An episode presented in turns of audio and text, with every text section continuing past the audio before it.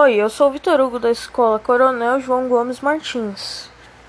E hoje eu vou fazer um podcast sobre filmes e músicas que falam sobre a vida.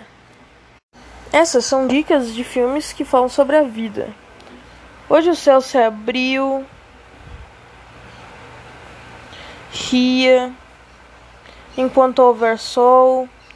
Não chore, meu amor. Mais uma vez. Não olhe para trás.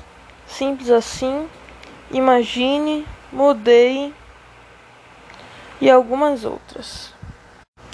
É filmes como Preciosa, Helena, O Menino para Viver, Divertidamente, As Vantagens de Ser Invisível, Amizades Improváveis, As Melhores Coisas do Mundo, A Felicidade Não Se Compra, Amizades Improváveis eu já falei.